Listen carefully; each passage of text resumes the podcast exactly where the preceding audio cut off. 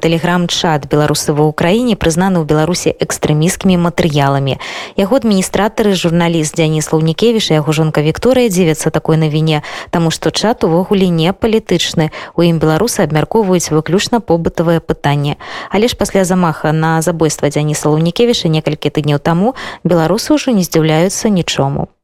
Денис давайте пачнем калі ласка з таго что распавядзіце калі як вы даведаліся аб тым что один з ваших чатаў якія вы вядзеце ва ўкраіне у беларусі зараз прызнаным экстрэміскім ну даведаліся сёння. Нехта рэпостнуў з белсата на белсад у сваю чаргу со спасылкай на харту 96 что гэта зачат э, калі і для чаго вы яго стваралі? Увогуле что там такого ёсць экстрэміскага і небяспечнага для беларускага рэжыму? Ой нам бы самим э, небяспека полягае нам бы увогуле зразумеецца чаму так.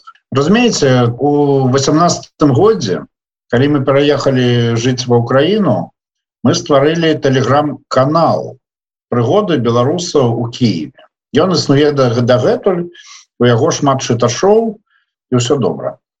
І досыць хутка мы побачылі что тым беларусам якія жывуць ва ўкраіне таксама патрэбны нейкі сродак камунікацыі між сабою. І мы пры гэтым канале стварылі першы чат.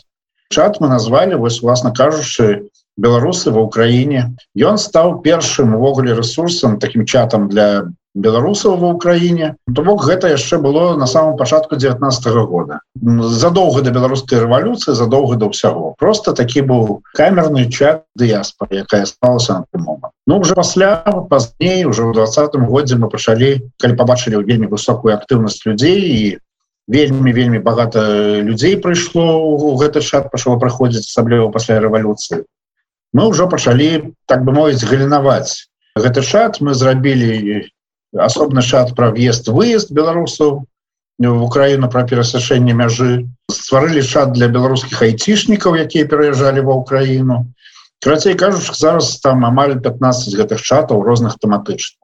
Але пачыналася ўсё з гэтага.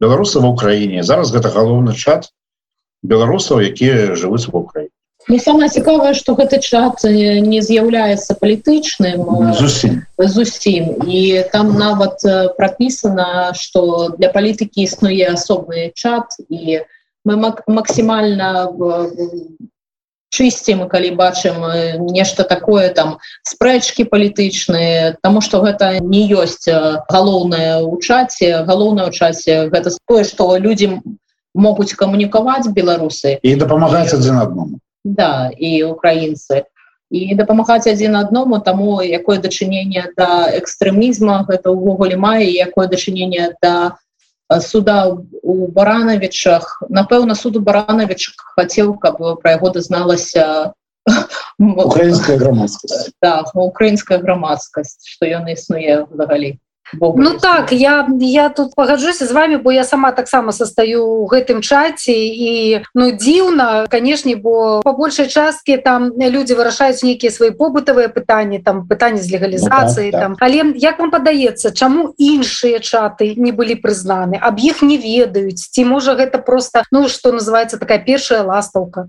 Ну, разумеется суд які вырашыў ён же не просто так вось прачнуўся ранкам и подумаў а ці не прызнаць гэта нехта падаў заяву нехта падаў заяву на прызнанне экстрэмісцкім то гэта можа быць я могу толькі здагадвацца бо сайта суда ну прынамсі я не адшукаў ну, Таму... было цікава паглядзець увогуле что там на сайте якая там судовая справа ну хотя бы пацікавіць Ну так але мы нічога не знайшлі ну нехта падаў заяву ну, вось таму і бы до того ж до того ж ну, вы самі разумееце ёсць толькі один чат які крыху больше по колькасці людзей. Гэта вось якраз въезд выезд перасяшэнне мяжы паміж беларусі украінай перавозкі і так далей. Вось ён крышачку больше а ўсё астатніх больше буйнейшых чатаў няма для беларусаў в Украіне ці ведаеце вы асабіста на вас нейкім чынам ці заведзена нейкая справа? Бо чат гэта чат гэта ну рэч напрыклад так? За чатам стаяць mm -hmm. пэўныя людзі. Прынамсі ва ўкраіне усе ведаюць што гэта вось вы з Вікторыяй гэты чат вы яго стваральнікі. Ці вядома вам што беларускі рэжым мае да вас? Ну з аднаго боку я не чуў нічога пра нейкі пераслед мяне але ж я і не з'яўляўся ўсе гэтыя гады ў Беларусі з іншага боку месяц з нечым мяне тут намагаліся забіць і практычна забілі. Правёў два тыдні в рэанімацыі.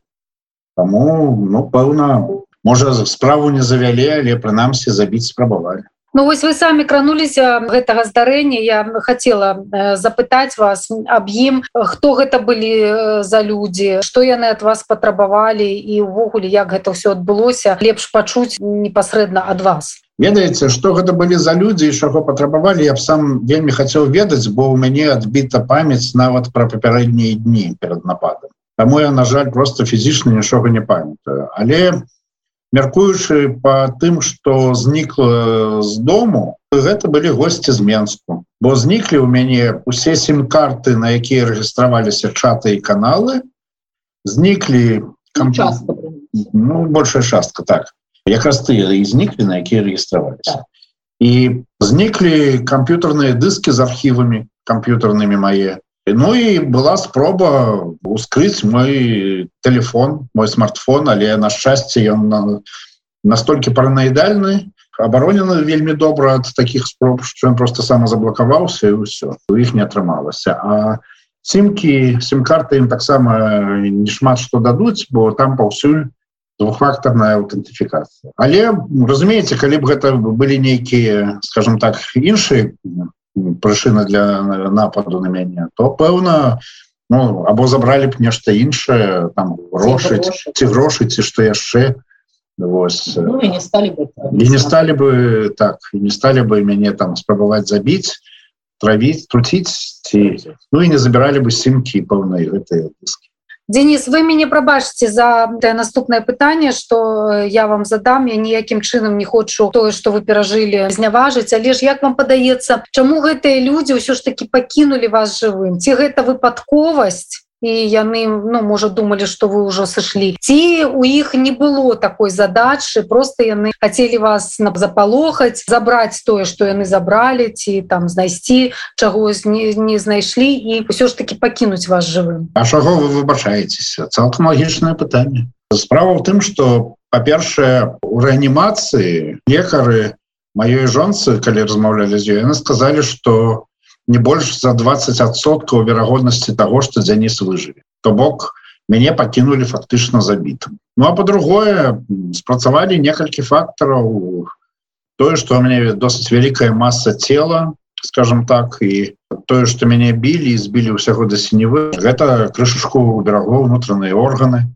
А таксама таксама досыць вялікая масса цела перашкодзіла атручэнню бо тое чым мяне труцілі яно разышлося па целе як мне сказали як мне патлу... як мне патлумачылі пасля лекары і ну адразу не адразу падзейнічала бо затрымалася ў тканях там ва ўсім целе але я ж кажу я паўтаруся что у рэанімацыі давалі 20соткаў что я выжыў там пэўна гэта тыя што прыходзілі яны вырашылі што іх задача выканана То бок вас не просто збілі э, амаль што да смерти але яшчэ нейкую атруту у вас э, улілі? Так гэта ўсё адлюстравана ў документах якія мне ў шпіталі пасля выдалі.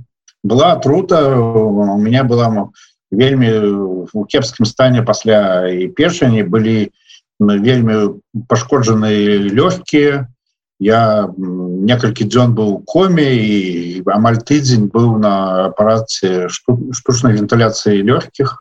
Прынамсі я знайшла іголку шпрыца. У лекара ёсць такія падозры што гэта магло быць ну розныя нават не, некалькі трудных рашэнні гэта ўсё прапісана ў маіх дакументах ужо на выпіску там спытаю што атрушэнне было было надзвычай моцнае збіццё і атрушэнне пасля ўсяго што здарылася з вами за апошнія там некалькі тыдняў яшчэ вось гэтая навіна ці адчуваеце вы што вы зараз знаходзіцесь у сур'ёзнай небяспекі? Ну я могу сказать что я зараз знаходжуся под аховай украінскіх спецслужб? І что як адрагавалі украінскія спецслужбы? Ну я так разумею все ж таки распачата нейкая крымінальная справа. Ну па-першае я сапраўды не надта могу каментаваць і по-другое пэўнае нават мне не ўсё кажуць але я могу дакладна сказаць что яны моцна раззлаваліся. Не на мяне. Ну зразумела что гэта для ўсіх мне здаецца на тлі войны стала такой неспадзяванкай і у тым ліку што могуць быць нападаны нейкія на актывістаў у час войны у цэнтры у цэнтры Киева і дарэчы мяркуюць што напад на на дзяніса ці на нашу сям'ю там ну, просто нам пашанцавала што нас не, не было ў той час дзіцём у хаце рыхтаваўся слідкавалі за нашай кватэрай мінімум тры тыжня Ну прынамсі мінімум месяц пэўна. Прынамсі месяц. Нешта такое. Я яшчэ хочу сказаць что канешне у спецслужбах адразу правялі аналогію з забойством Віталя шишова я об гэтым и хотела вас запытать тому что гучала гэтая думка то гэтай мае нейкую сувязь з забойством Віталя шишова то бок украінскія спецслужбы выказваюць такую здагадку что і тое забойство і ваше здарэнне гэта ўсё ж таки беларускае КДБ Ну, ведаеце пэўна гэта як мінімум адна з версій а по-другое А хто казаў что беларуская КДБ і там расейцы не могуць працаваць супольна? Больш затое я пэўна вось есть такая версія что насамрэч гэта все рабілі расійскія ДРГ просто по наводцы беларускага КДБ наўрад ці там беларускія КДБшнікі тут праслалі нейкую групу А вось у гэты час у Киеве было багата расійскіх але ж не гледзячы на ўсё тое что з вами здарылася я так разумею вы нікуды з'язджаць не збіраетесь і спыняць сваю дзейнасць по павядзенню телеграм-каналаў чатаў ва ўкраіне вы таксама не збіраетесь не не збіраемся. Ну мы бы э, хотели спокойно пожить але мы разумеем что гледзячы на тое что адбываецца что это просто нереально не мы пачалі гэтую вайну але мы мусім прыняць удзел у тым калі Украіна яе выйгра я не бачу як інфармацыйна мы можем беларускай дзяржаве і як увогуле тое что людзі абмяркоўваюць у чатах як ім жыць ва ўкраіне можа таркацца Беларусь. Світанак свабоды.